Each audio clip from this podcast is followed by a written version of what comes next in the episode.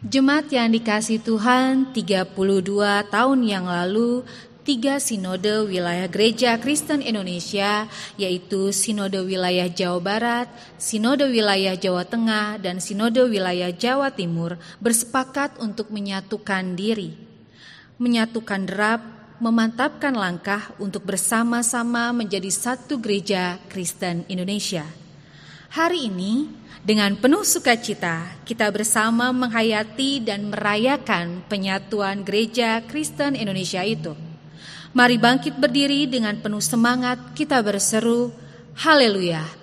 Pujilah Allah dalam tempat kudusnya, pujilah dia dalam cakrawalanya yang kuat. Pujilah dia karena segala keperkasaannya, pujilah dia sesuai dengan kebesarannya yang hebat. Pujilah dia dengan tiupan sangkakala, pujilah dia dengan gambus dan kecapi. Pujilah dia dengan rebana dan tari-tarian. Pujilah dia dengan permainan kecapi dan seruling. Pujilah dia dengan ceracap yang berdenting. Pujilah dia dengan ceracap yang berdentang. Biarlah segala yang bernafas memuji Tuhan. Haleluya!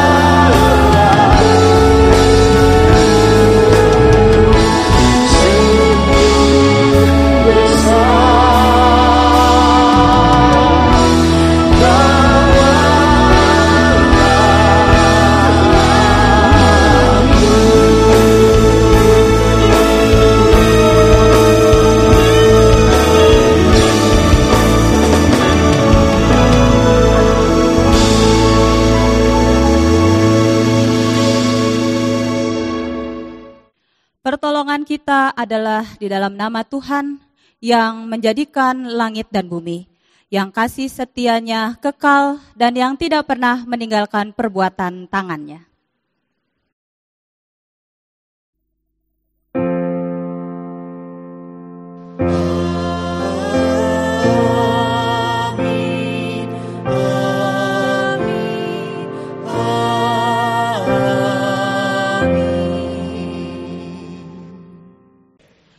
Kasih karunia dan damai sejahtera dari Allah Bapa kita dan dari Tuhan Yesus Kristus menyertai saudara sekalian. Dan beserta saudara juga. Bapak Ibu dan Saudara, hari ulang tahun GKI yang ke-32 kali ini berbeda dan istimewa dari tahun-tahun lalu. Pandemi COVID-19 merubah segala sesuatu termasuk tatanan bergereja dan beribadah yang selama ini kita jalankan. GKI tidak bisa lagi menunggu. GKI harus berubah dan memperbarui diri, meriset dan memikirkan ulang bentuk bergereja dan beribadah agar dapat menjawab tantangan zaman dan semakin realistis. Nasihat Rasul Paulus hendaknya menjadi dasar untuk bertumbuh, berkarya nyata, dan selalu memperbaharui diri. Rasul Paulus mengatakan seperti ini dalam Roma 12 ayat 2. Janganlah kamu menjadi serupa dengan dunia ini, tetapi berubahlah oleh pembaruan budimu, sehingga kamu dapat membedakan manakah kehendak Allah, apa yang baik, yang berkenan kepada Allah, dan yang sempurna. Tuhan, 32 tahun sudah gerejamu berderap dalam langkah bersama mengarahkan hati pada visi bersama. Namun, kami sadar belum sepenuhnya kami mampu menerjemahkan kasih-Mu dalam kebersamaan hidup sebagai gereja.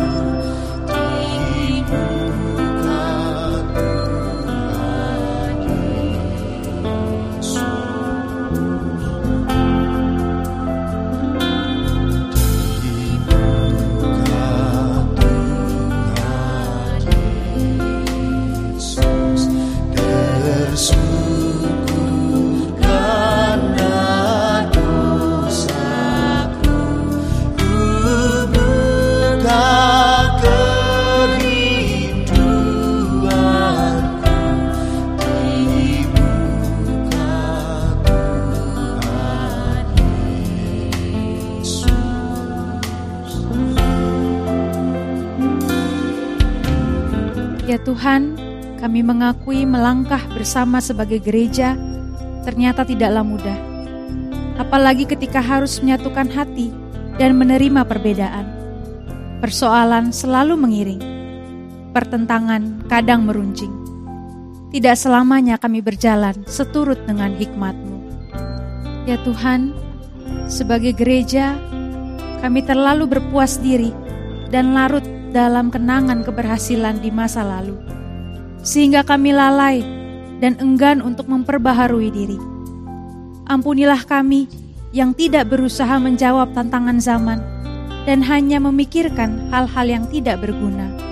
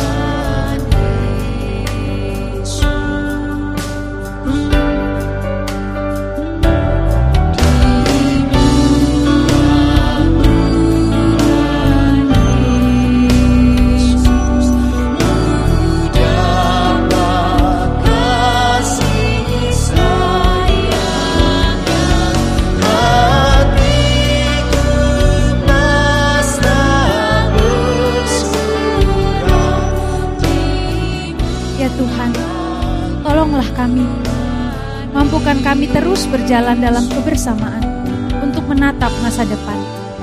Ajarlah kami selalu mengandalkan Engkau sebagai tumpuan dalam tiap pergumulan yang kami hadapi sebagai gereja Kristen Indonesia.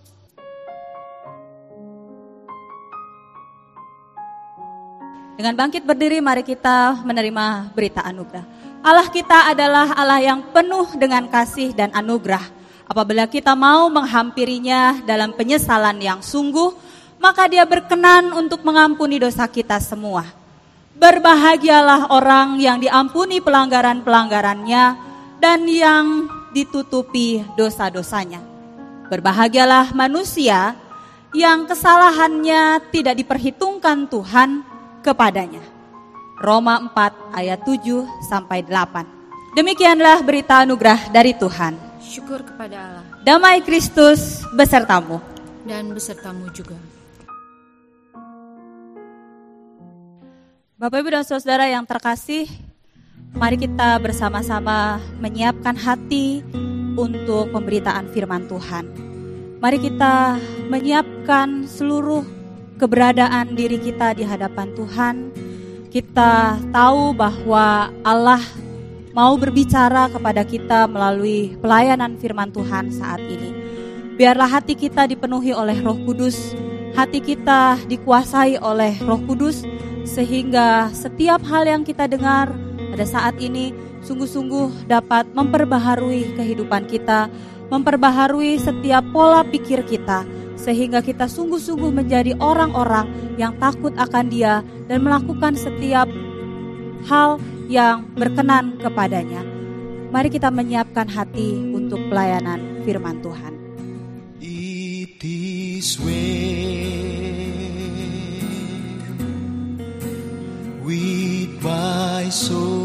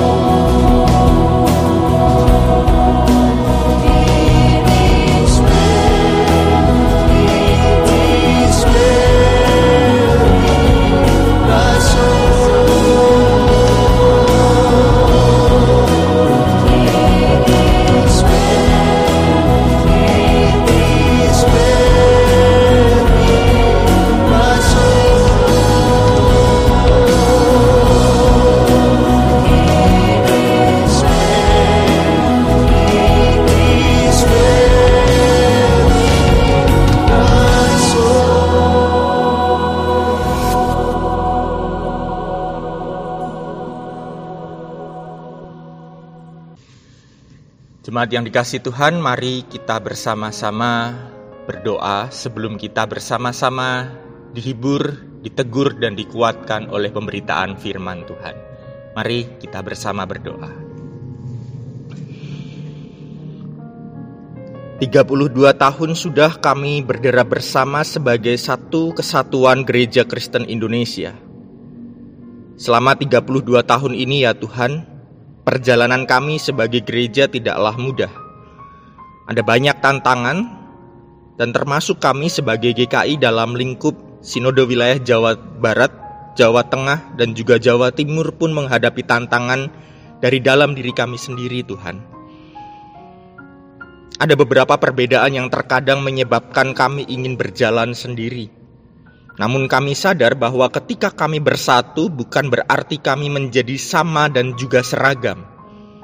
Penyatuan kami sebagai gereja semestinya mengajarkan kami untuk membuka ruang kepelbagaian dan mengajarkan kami secara langsung untuk menerima, menghargai, memahami, dan bahkan belajar dari keberagaman yang ada dalam diri kami masing-masing. Dan ketika saat ini kami akan mendengarkan firman-Mu Tuhan, melalui firman Tuhan yang akan kami baca dan dengarkan pada hari ini. Kami siap untuk membuka cara pandang kami dan bahkan kami pun siap untuk berubah. Ketika firman Tuhan yang kami dengar menegur kami, berikan kami kerendahan hati untuk kami menerima teguran dari Tuhan. Berikan kami juga kerendahan hati untuk kami mengakui setiap hal yang perlu kami perbaiki dalam diri kami, dalam gereja kami Berikan kami juga kemampuan dan juga keberanian untuk belajar memperbaiki dan bila perlu mengubah sikap hidup bergereja kami. Sehingga setiap langkah kehidupan kami sebagai gereja semakin dan akan selalu terarah hanya kepada Tuhan. Kami siap ditegur, kami siap untuk dihibur dan kami siap juga untuk diubahkan melalui fir pemberitaan firman Tuhan yang akan kami dengarkan bersama pada hari ini. Di dalam nama Bapa, Anak, dan Roh Kudus, Sang Kepala Gereja, kami bersama berdoa. Amin. Saudara-saudara, bacaan diambil dari Roma pasal 12, ayat yang pertama hingga yang ke-8. Roma 12 ayat yang pertama hingga yang ke-8. Karena itu saudara-saudara, demi kemurahan Allah, aku menasihatkan kamu, supaya kamu mempersembahkan tubuhmu sebagai persembahan yang hidup, yang kudus, dan yang berkenan kepada Allah. Itu adalah ibadahmu yang sejati. Janganlah kamu menjadi serupa dengan dunia ini, tetapi berubahlah oleh pembaharuan budimu sehingga kamu dapat membedakan manakah kehendak Allah, apa yang baik, yang berkenan kepada Allah, dan yang sempurna. Berdasarkan kasih karunia yang dianugerahkan kepadaku, aku berkata kepada setiap orang di antara kamu, janganlah kamu memikirkan hal-hal yang lebih tinggi daripada yang patut kamu pikirkan. Tetapi hendaklah kamu berpikir begitu rupa, sehingga kamu menguasai diri menurut ukuran iman yang dikaruniakan Allah kepada kamu masing-masing. Sebab sama seperti satu tubuh kita mempunyai banyak anggota, tetapi tidak semua anggota itu mempunyai tugas yang sama. Demikian juga kita, walaupun banyak, adalah satu tubuh di dalam Kristus. Tetapi kita masing-masing adalah anggota yang seorang terhadap yang lain. Demikianlah kita mempunyai karunia yang berlain-lainan menurut kasih karunia yang dianugerahkan kepada kita. Jika karunia itu adalah untuk bernubu, bernubuat, baiklah kita melakukannya sesuai dengan iman kita. Jika karunia untuk melayani, baiklah kita melayani. Jika karunia untuk mengajar, baiklah kita mengajar. Jika karunia untuk menasehati, baiklah kita menasehati. Siapa yang membagi-bagikan sesuatu, hendaklah ia melakukannya dengan hati yang ikhlas. Siapa yang memberi pimpinan, hendaklah ia melakukannya dengan rajin. Siapa yang menunjukkan kemurahan, hendaklah ia melakukannya dengan sukacita. Demikianlah pembacaan Alkitab. Berbahagialah mereka yang mendengarkan firman Allah dan yang memeliharanya. Haleluya.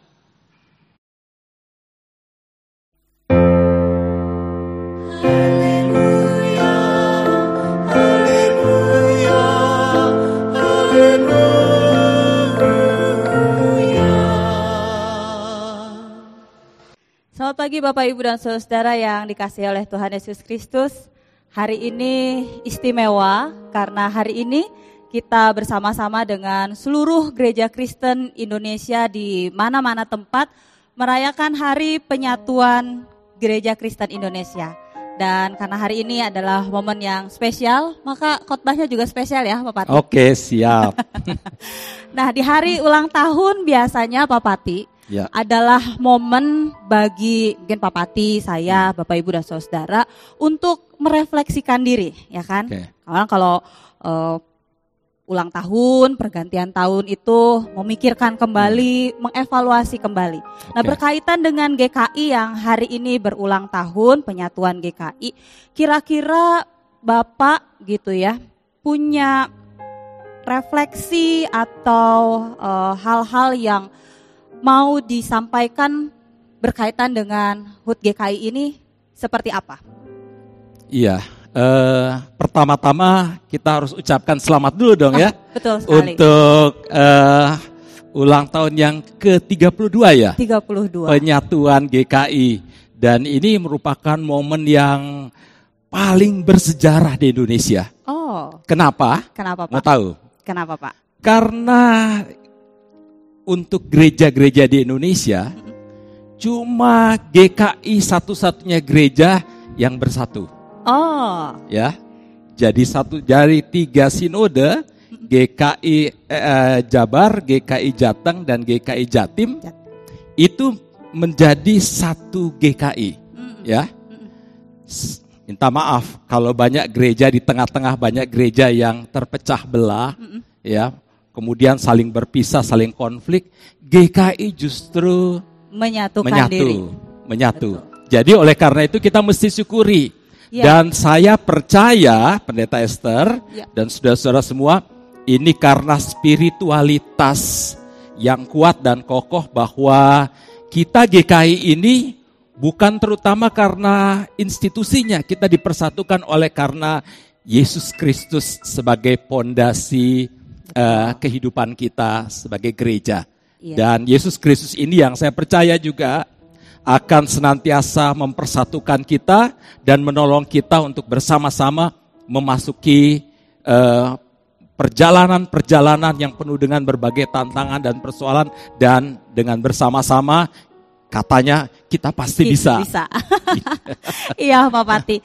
Ini yang menarik lagi ya Pak Pati dan Oke. Bapak Ibu saudara sekalian. Tahun ini bertepatan dengan 32 tahun penyatuan GKI. Pandemi COVID-19 itu juga mempengaruhi. Ya. Jadi pandemi COVID-19 ini mengubah banyak hal khususnya atau terutama juga Hmm. kehidupan bergereja. Oke. Pandemi ini mengubah cara berpikir kita begitu ya, cara bertindak dan lain sebagainya. Terutama dalam kehidupan bergereja ada banyak perubahan-perubahan drastis terjadi seperti itu. Dan tiba-tiba berubah. Manusia kini harus membiasakan diri dengan kebiasaan-kebiasaan yang baru, keadaan-keadaan yang baru. Seperti sekarang ini, Ya. sudah beberapa bulan kita ikut kebaktian online gitu ya. Ada ada kebiasaan-kebiasaan yang harus mulai ditumbuhkan penghayatan-penghayatan baru. Awal-awal mungkin ya Pak Pati masih banyak orang-orang yang masih semangat kebaktian pakai baju gereja. Betul, betul. Kalau sekarang saya nggak tahu tuh. Tapi berarti begitu Ya. kan, perubahan itu lebih kepada esensi, bukan Oke. lagi eksistensial. Nah, kehidupan bergereja pandemi ini mau tidak mau memaksa gereja untuk memikirkan kembali yang esensial dalam pelayanannya bersama umat dan juga Tuhan. Seperti kita tahu biasanya gitu ya, kita terlalu menggantungkan diri pada sinode. Artinya kan rasanya kita lebih percaya diri kalau sinode bilang A lalu kita ikut. Ya. Tapi pandemi ini kita udah nggak bisa lagi begitu ya, Ya. Pak Pati. Karena ada banyak penyesuaian-penyesuaian, ada banyak kebiasaan-kebiasaan yang harus dilakukan. Nah, tema hari ini menarik. Hmm. GKI terus memperbaharui diri. Saya pakai Oh, tanda bagus. tanya, Bapak. Oke. Kenapa? Karena sebenarnya pandemi virus COVID-19 ini menjadi momen untuk GKI kembali memikirkan langkah-langkah nyata.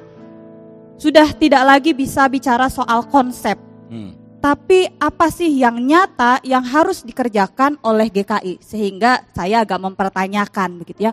GKI terus memperbaharui diri Hmm. seperti apa? Nah, menurut Pak Pati sendiri bagaimana dengan hal ini?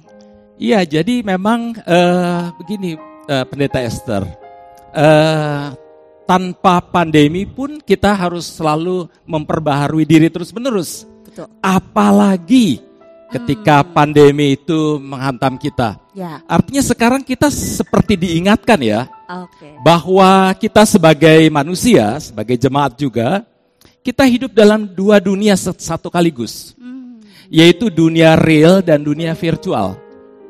Itu udah kehidupan kita sehari-hari ya. Artinya sekarang eh, kita memang betul-betul harus menggarap dunia virtual. Kalau yang dulu kita abaikan, kita lebih pada berkumpul dia bersama-sama di dalam dunia yang real. Tetapi ternyata pandemi ini mengingatkan kita ada satu dunia lain yang selama ini belum kita sentuh, yang selama ini belum kita explore, yaitu dunia virtual. Virtual. Dan ini yang betul-betul gereja harus serius karena suka atau tidak suka.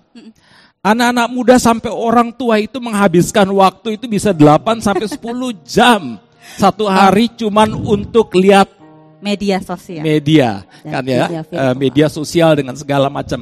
Oleh karena itu mau nggak mau kita memang sudah harus menggarapnya dan tentu saja menggarapnya dengan sangat kreatif. Betul. Bagaimana memberikan isi yang atau konten-konten yang bermanfaat. Karena apa?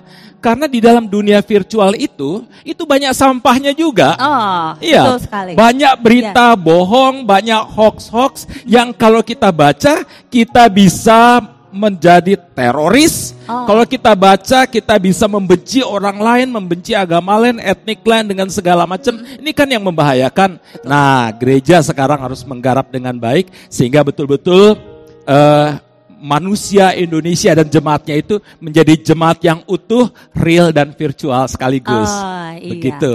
Nah, Pak Pati saya mendasarkan eh, apa yang dikatakan oleh Rasul Paulus Oke. ketika dia menulis surat untuk orang-orang di Roma. Oke. Roma 12 ayat 1 sampai 8 ini kan bicara soal ibadah yang sejati. Nah, Oke. Dari 8 ayat ini saya merangkum, merefleksikan ada tiga poin Hmm. yang relevan. Seperti Pak Pati katakan tadi Ya, ya. begitu ya. Yang harapannya ini bukan hanya didengar tapi betul-betul diwujud nyatakan, dipraktekkan dalam kehidupan berjemaat. Ya, gitu. ya. Yang pertama adalah kalau kita perhatikan Roma 12 ayat 1 dikatakan karena itu saudara-saudara demi kemurahan Allah aku menasehatkan kamu supaya kamu mempersembahkan tubuhmu Hmm. ya sebagai persembahan yang hidup, yang kudus dan yang berkenan kepada Allah. Itu adalah ibadahmu yang sejati. Oke, bagus. Jadi ternyata Pak Pati kita seperti tadi Pak Pati katakan hidup di dua dunia real dan virtual. Betul. Tidak bisa lagi terbatasi oleh dinding-dinding. Ya, ya. Semua informasi kita beba- bebas akses. Hmm. Dan oleh karena itu penting juga untuk punya yang namanya pemahaman baru tentang kehidupan bergereja dan beribadah. Paulus juga melanjutkan perkataannya di dalam ayat 2 dan 3 seperti ini. Janganlah kamu menjadi serupa dengan dunia ini. Hmm. Tetapi berubahlah oleh pembaruan budimu sehingga kamu dapat membedakan mana kehendak Allah, apa yang baik, apa yang berkenan kepada Allah dan yang sempurna. Berdasarkan kasih karunia yang dianugerahkan kepadaku, aku berkata kepada setiap orang di antara kamu, janganlah kamu memikirkan hal-hal yang lebih tinggi daripada yang patut kamu pikirkan, tetapi hendaklah kamu berpikir begitu rupa sehingga kamu menguasai diri menurut ukuran iman yang dikaruniakan Allah kepada kamu masing-masing. Jadi Rasul Paulus, Papati di sini mengingatkan Hmm. bahwa jangan pikirkan hal-hal yang lebih tinggi. Jangan serupa dengan dunia. Hmm. Lakukan apa yang menjadi kehendak Allah. Nah, menurut Papati sendiri dengan kehidupan yang tadi disampaikan real dan virtual, maka kan gereja perlu mereshape ya, Betul. memikirkan ulang bentuk beribadah Hmm. dan bergereja itu sendiri. Bagi Papati hal ini bisa dimaknai atau direfleksikan seperti apa sih? Iya, jadi memang eh, ini sesuatu pertanyaan yang menarik ya. Tetapi eh, saya sedikit eh, ngomong tentang Paulus tadi ya. Oke. Karena Boleh. Paulus menarik dia katakan persembahkanlah tubuhmu, ya. Karena di dalam dunia pada masa lalu tubuh ini sesuatu yang buruk, Buruk. ya, yang jelek, yang kita fokus saja pada hal-hal yang rohani, fokus saja pada hal-hal yang spiritual, kata. Iya. Fokus pada dunia seberang sana. Tetapi justru pada saat tulisan ini Paulus justru mengatakan persembahkanlah tubuhmu. Dia bukan sesuatu yang buruk. Ya.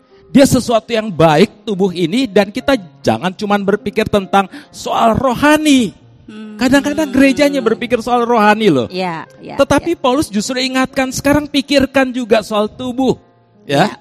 Bahwa tubuh itu butuh makanan, dia butuh perhatian, butuh pelayanan, tetapi juga butuh supaya kita benar-benar menggunakan tubuh sebaik-baiknya untuk kemuliaan Nama Tuhan, sekaligus juga untuk menjadi berkat bagi siapa pun.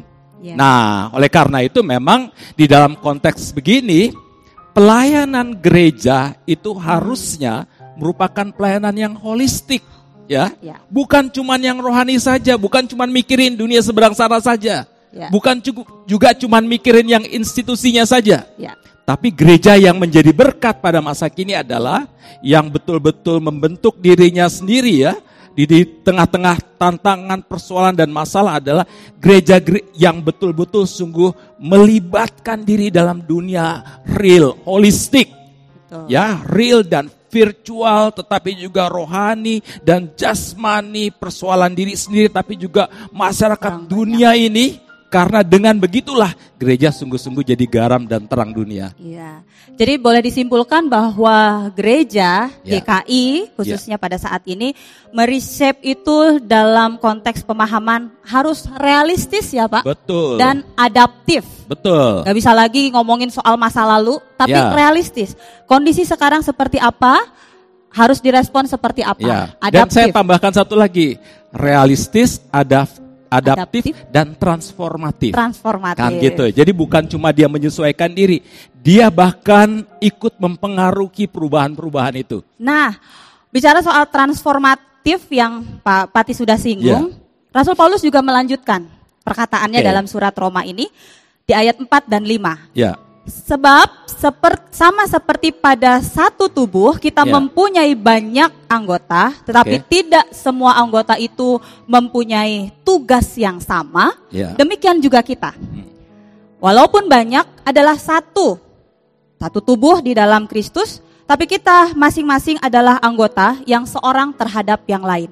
Jadi perubahan itu kan bicara soal keperbagaian, Oke. keberagaman. Oke. Kalau kita seragam, kalau kita sama, perubahannya jadi tidak terlalu kentara dan terlihat. Tidak ada perubahan, Malah statik. nggak ada perubahan karena semua sama. Betul, betul. Gitu ya.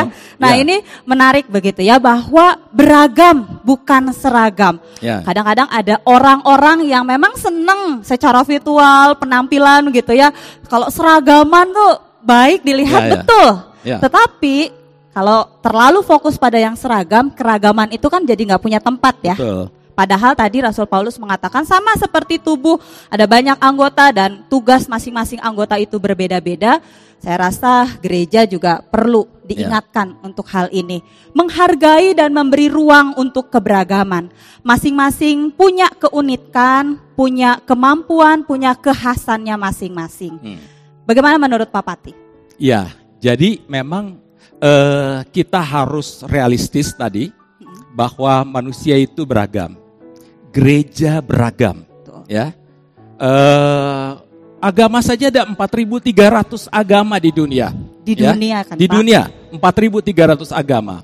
Lalu kemudian denominasi gereja itu ada 323 denominasi gereja. Kita ini semua berbeda-beda sebetulnya ya. Betul. Tetapi artinya di tengah-tengah perbedaan ini, pertama kita harus eh, menghargai keunikan kita masing-masing. Eh, tetapi sekaligus bagaimana di dalam keunikan itu kita juga bisa bekerja sama. Ya. Ya. Artinya kita bekerja sama di dalam keunikan dan setiap keunikan kita memberikan kontribusi bagi kebaikan bersama. Nah, Ya. karena kalau seragam kita justru sama-sama eh, tidak bisa mengembangkan diri secara da- da- dalam keunikan kita. Ya. Tetapi kalau kita betul-betul bisa mengembangkan keunikan kita masing-masing, tetapi pada sisi lain di dalam spirit persatuan, maka kita akan bisa berkontribusi bagi kebaikan bersama. Jadi bukan kompetisi, Iya. tetapi ko- kooperasi. Kooperasi. Betul. Nah ini yang Pak Pati sampaikan kan sudah terwujud ya. Jadi kalau Ya. dalam ibadah hari ini Bapak Ibu dan saudara mengikuti dari awal sampai nanti akhir, kita dilayani oleh para pendeta-pendeta muda Wow, wow. dan calon pendeta. Ya. Dan lebih uniknya lagi, Dan satu pendeta tua. Oh. tapi selalu berjiwa muda. Oke. Dan lebih uniknya lagi, Ya. penatuannya juga itu berkaitan dengan eh, dunia teologi. Oke. Ya, Jadi tadi Bu Nike yang serah sama Alkitab, Ya. anaknya lulusan teologi. Wis hebat ya. Penatua Ya, ya. Yuki yang persembahan sarjana teologi. Sarjana teologi. Jadi wow. ini memperlihatkan begitu ya keragaman dari berbagai tempat. Hmm. Jadi para calon pendeta dan pendeta-pendeta muda ini berkarya di tempat mereka masing-masing dan bersatu berkontribusi Hmm. melayani ibadah pada hari ini di GKI Maulana Yusuf. Oh, Oke, mantap. Ini langsung dipraktekkan begitu ya, Iya, iya. Pak, tentang bagaimana memberi ruang terhadap keberagaman Iya. dan kontribusi, Iya. saling bersatu, saling eh, mendukung satu dengan Betul. yang lain, gitu ya. Nah, bicara juga tadi soal kontribusi. Pak Pati, Bapak Ibu dan Saudara, Rasul Paulus di bagian terakhir dalam bacaan kita mengungkapkan soal hal-hal seperti ini.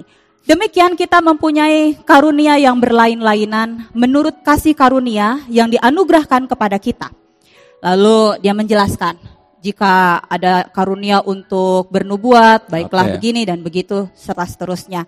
Dari perkataan Rasul Paulus ini, Bapak Ibu dan Saudara mau mengatakan bahwa milikilah keberanian untuk mengembangkan diri dan berkarya kebebasan untuk bertumbuh, mengembangkan diri dan berkarya sesuai karunia dan kemampuan masing-masing sebagai bentuk tanggung jawab atas karunia yang dimilikinya gitu. Nah, kadang-kadang kan mungkin karena kita punya prosedur, Hmm. kita punya koridor dan lain sebagainya, orang terjebak sehingga maunya ya sudah template-template saja Hmm, gitu ya. iya, iya. Ya sudahlah, samain aja program aja begitu ya. Ya. Pak Pati pasti juga ngalamin program komisi, uh, copy paste aja Copy dari paste aja ya. nah, tapi kalau seperti itu kan mengembangkan dirinya jadi nggak punya tempat, Ya, begitu ya. ya. Nah, Rasul Paulus menutup dengan satu semangat beranikan diri untuk berbeda, beranikan diri untuk berkarya, kembangkan diri sesuai karunianya masing-masing. Gitu. Oke. Menurut Pak Pati sendiri bagaimana? Bagus. Jadi memang orang harus punya keberanian untuk eh, berbeda. Tetapi jangan asal berbeda. Betul. Ya. Pertama dia harus yakin betul bahwa perbedaannya itu untuk membangun umat. Ya. Dan dia hanya bisa memberikan alternatif-alternatif perbedaan yang kreatif, yang transformatif itu biasanya hanya muncul itu dari orang-orang yang menggumuli pekerjaannya dan mencintai pekerjaannya. Hmm. Karena orang-orang yang tidak terlalu menggumuli pekerjaannya, tidak terlalu mencintai pekerjaannya, dia nggak mungkin dia akan sungguh-sungguh mampu mempunyai inovasi. Jadi biasanya inovasi, terobosan-terobosan, transformasi itu yang luar biasa itu muncul dari orang-orang yang sungguh tekun, yang mencintai pekerjaannya, yang mencintai pelayanannya, sehingga muncul ide-ide baru, ide-ide hebat. Sehingga ketika ada tantangan, ada pergumulan karena dia cinta pekerjaannya, dia terus lakukan itu. Ya. Dia yakinkan ini penting, ini bagus. Tentu saja yakinkan dengan baik-baik ya. ya. Ini penting loh, ini bagus, ini supaya gereja kita lebih maju, lebih berkembang, lebih dinamis, lebih transformatif, lebih mempengaruhi semua orang. Nah, ya.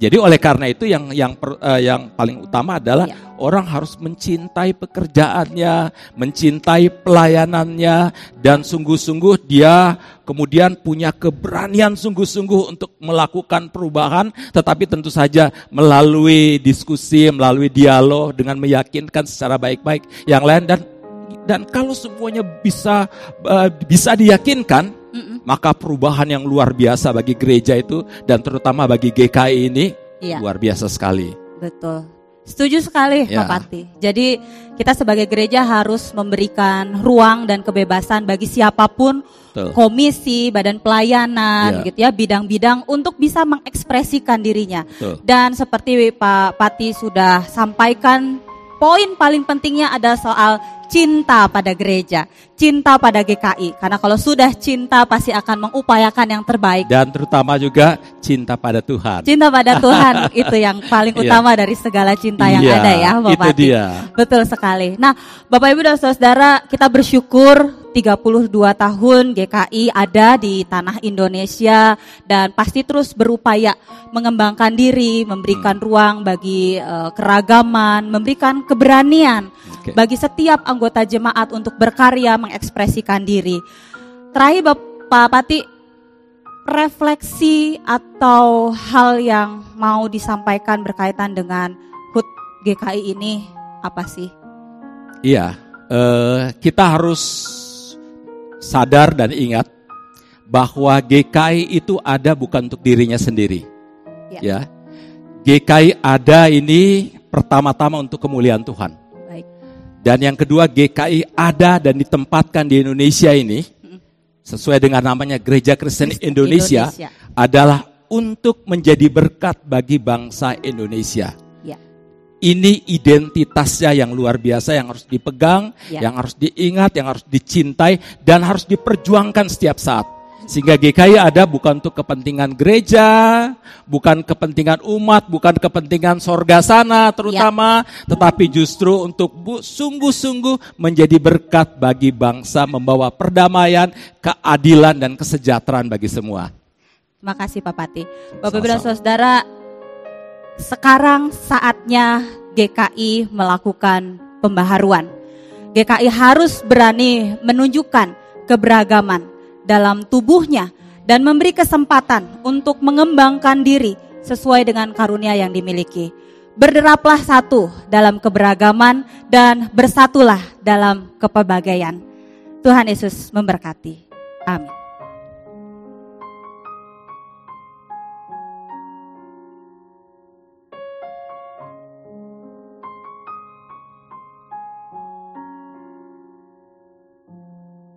Jemaat yang dikasih Tuhan, marilah kita bersama dengan umat Allah di masa lalu, masa kini, dan masa depan, mengingat pengakuan pada baptisan kita dengan mengucapkan pengakuan iman rasuli yang berbunyi demikian. Aku percaya kepada Allah, Bapa yang Maha Kuasa, Kalik langit dan bumi, dan kepada Yesus Kristus, anaknya yang tunggal, Tuhan kita, yang dikandung dari roh kudus, lahir dari anak darah Maria, yang menderita sengsara di bawah pemerintahan Pontius Pilatus, disalibkan, mati dan kuburkan, turun ke dalam kerajaan maut. Pada hari yang ketiga, bangkit pula dari antara orang mati, naik ke surga, duduk di sebelah kanan Allah, Bapa yang Maha Kuasa, dan dari sana ia akan datang untuk menghakimi orang yang hidup dan yang mati. Aku percaya kepada Roh Kudus, gereja yang kudus dan am, persekutuan orang kudus, pengampunan dosa, kebangkitan orang mati, dan hidup yang kekal. Amin. Umat Tuhan yang terkasih, marilah di kesempatan saat ini kita bersama-sama menaikkan pokok-pokok doa syafaat kita. Di setiap pokok doanya akan kita akhiri dengan perkataan dengarkanlah doa kami. Mari kita bersama-sama menaikkan doa syafaat kita. Ya Tuhan Yesus Kristus Allah Bapa kami yang sungguh baik. Kami bersyukur atas kasih-Mu yang begitu besar dalam hidup kami. Saat ini ya Bapa, di kesempatan yang indah kali ini kami mau bersama-sama menaikkan pokok doa kami terkhusus untuk setiap kami sebagai umat-Mu, jemaat Tuhan. Tolong pimpin kami ya Bapa. Mungkin ada di antara kami yang saat ini sedang memiliki pergumulan kehidupan kami. Entah kami yang sedang bergumul terhadap sakit penyakit kami, entah kami yang sedang bergumul terhadap keuangan kami di tengah keadaan saat ini.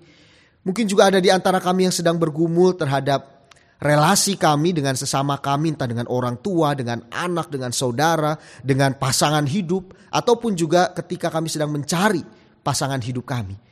Mungkin juga ada di antara kami yang sedang bergumul ketika kami sedang menggapai, hendak menggapai cita-cita kami. Baik ketika kami saat ini sedang studi maupun yang kami yang sedang bekerja. Tolong pimpin dan sertai kami ya Bapa. Biarlah kiranya di berbagai macam pergumulan hidup kami. Kami boleh senantiasa melibatkan Tuhan. Karena hanya bersama Tuhanlah kami bisa melalui semuanya. Karena bersama Tuhanlah kami bisa sungguh-sungguh merasakan sukacita, damai sejahtera di tengah pergumulan kami yang mungkin belum terselesaikan sampai saat ini. Ya Tuhan Yesus Kristus, di dalam kemurahan, dengarkanlah doa kami. Saat ini kami juga hendak menaikkan pokok doa kami. Kami mau menaikkan pokok doa untuk GKI Gereja Kristen Indonesia yang saat ini boleh berulang tahun. Kami bersyukur ya Bapak di pertambahan usia ini, biarlah kiranya kami boleh semakin diingatkan untuk merenungkan keberadaan kami dan kami siap untuk terus memperbaharui diri kami hari demi hari. Agar kami siap menjawab tantangan zaman, agar kami siap untuk bersaksi berkarya di tengah perubahan zaman yang luar biasa saat ini. Tolong pimpin kami ya Bapak. Biarlah kiranya kami sebagai gereja Tuhan yang Tuhan kirimkan di tengah-tengah dunia ini. Kami boleh terus berkarya, berdampak yang terbaik bagi sesama kami. Terima kasih ya Tuhan. Di dalam kemurahan-Mu, dengarkanlah doa kami. Pada saat ini kami juga hendak menaikkan pokok doa kami untuk bangsa dan negara kami. Kami sungguh rindu melihat bangsa dan negara kami kembali lebih baik lagi hari demi hari ya Tuhan. Di tengah keadaan saat ini banyak di antara kami, bangsa dan negara kami ini sedang bergumul bergumul yang luar biasa. Tolong sertai para pemerintah kami, tolong pimpin kami sebagai warga negara agar kami semua boleh bersinergi satu dengan yang lain, kami boleh melakukan yang terbaik untuk memutus mata rantai penyebaran virus corona ini. Biarlah kira kami juga boleh belajar untuk saling bahu membahu, bergotong royong, melakukan yang terbaik untuk bangsa dan negara kami ini. Tolong pimpin kami ya Bapa. Berikan hikmat dan kebijaksanaan kepada pemerintah kami. Tolong berikan kepada kami hati yang mau untuk melakukan setiap aturan-aturan yang ada. Terima kasih ya Tuhan Yesus Kristus. Di tengah kesempatan yang indah ini, Tuhan di dalam kemurahan, dengarkanlah doa kami. Amin. Jemaat yang dikasih Tuhan dengan penuh syukur dan sukacita, mari bawa persembahan yang terbaik baginya sambil mengingat firman Tuhan dalam Roma 3 ayat 17 yang berbunyi demikian. Dan segala sesuatu yang kamu lakukan dengan perkataan atau perbuatan, lakukanlah semuanya itu dalam nama Tuhan Yesus, sambil mengucap syukur oleh dia kepada Allah Bapa kita. Yang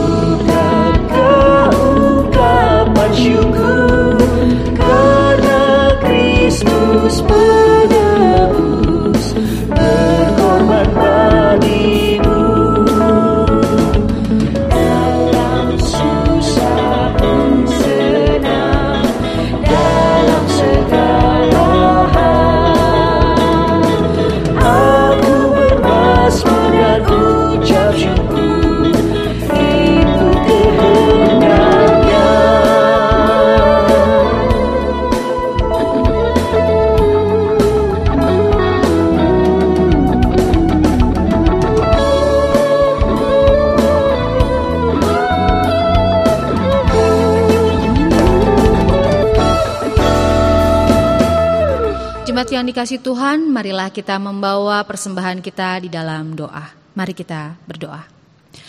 Ya Tuhan, kami mengucap syukur untuk setiap yang boleh kami berikan pada hari ini. Kami tahu Tuhan jika dibanding segala berkat yang kau berikan bagi kami, apa yang kami berikan saat ini tidaklah ada artinya. Namun bersama dengan Engkau ya Tuhan, kami memberikan yang terbaik dari apa yang kami miliki. Biarlah Engkau yang boleh menguduskan persembahan ini, dan biarlah ini boleh dipakai untuk pelebaran kerajaan-Mu. Dalam nama Tuhan Yesus kami berdoa. Amin. Saudara-saudara, kembalilah dalam hidup bersama. Berjalanlah dalam semangat memperbaharui diri terus-menerus. Bergandengan tangan mengembangkan diri sesuai karunia masing-masing. Berderaplah satu dalam keragaman.